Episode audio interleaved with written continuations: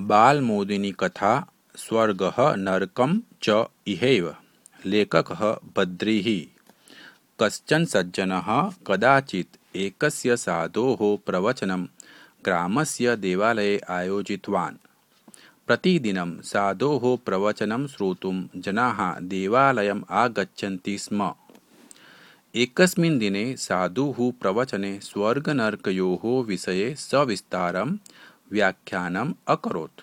प्रवचनानन्तरं सः अपृच्छत्, भवत्सु कति जनाः स्वर्गं गन्तुम् इच्छन्ति इति। तदा सर्वेपि एककण्ठेन अवदन्, अहम् अहम् इति। किन्तु प्रवचने उपस्थितः एकः बालकः साधोः प्रश्नस्य उत्तररूपेण कमपि प्रतिस्पन्दं न दर्शितवान्।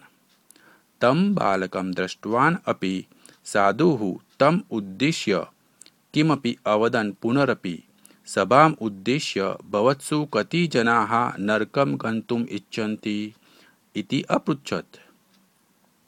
तदा तु सर्वे अपि मौनम् आश्रितवन्तः। साधुः बालकस्य मुखम् अपश्यत्। तदापि बालकस्य प्रतिस्पन्दः कोऽपि न आसीत्। साधुः तं बालकम् अपृच्छत्। स्वर्गनर्गयोः विषये भवतः प्रतिस्पन्दः नास्ति किमर्थम् इति। तदा बालकः उत्थाय, श्रीमान्, अहम् अत्रैव भवितुम् इच्छामि। जीवितुम् इच्छामि अपि अत्र एव। अहं यत्र भवामि, तत्र स्वर्गं रचयिष्यामि। स्वजीवने ये स्वर्गं द्रष्टुं न अर्हन्ति, ते अन्यत्र कथं द्रष्टुं शक्नुयुः?